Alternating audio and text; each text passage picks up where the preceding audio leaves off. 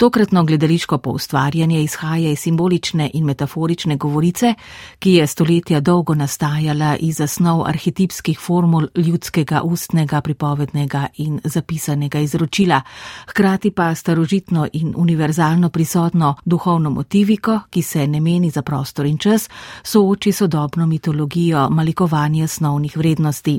Iz večglasne upodobitve čaščenja sončnega božanstva iz predkrščanskega obdobja v petju in plesu v počasnem pripovednem utripu tudi zgodbo v zgodbi in s preskoki v času, igravke in glasbenice Nataša Kesar, Urša Kavčič in Zvezdana Novakovič ušivanje in paranje pripovedne tkanine upletajo odnose med ljudmi in mehanizmi v naravi ter jih razgrajujejo. Podobe z bajeslovnimi biti v človeku in v njegovih preobrazbah skozi življenje bivajo v oblikah duševnega nezavednega, v njegovem slikanju domišljijskih vilinskih podob in v njegovem ustvarjanju strahov pred neobranljivimi volkodlaki, groznimi in požrešnimi velikani, globokimi teminami čudodelnih voda in pred privlačnimi lepotami brezmejnega pragozda. Človek se kaže kot razklano bitje, ki se mora podružbiti in pomiriti.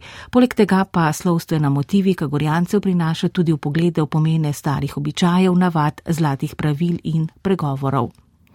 Napevi, ki polnijo prostor, so iz nekdanjih pračasov, citre pa se jim lepo podajajo, vendar v knjižno govorico seka grob zborni jezik modernosti.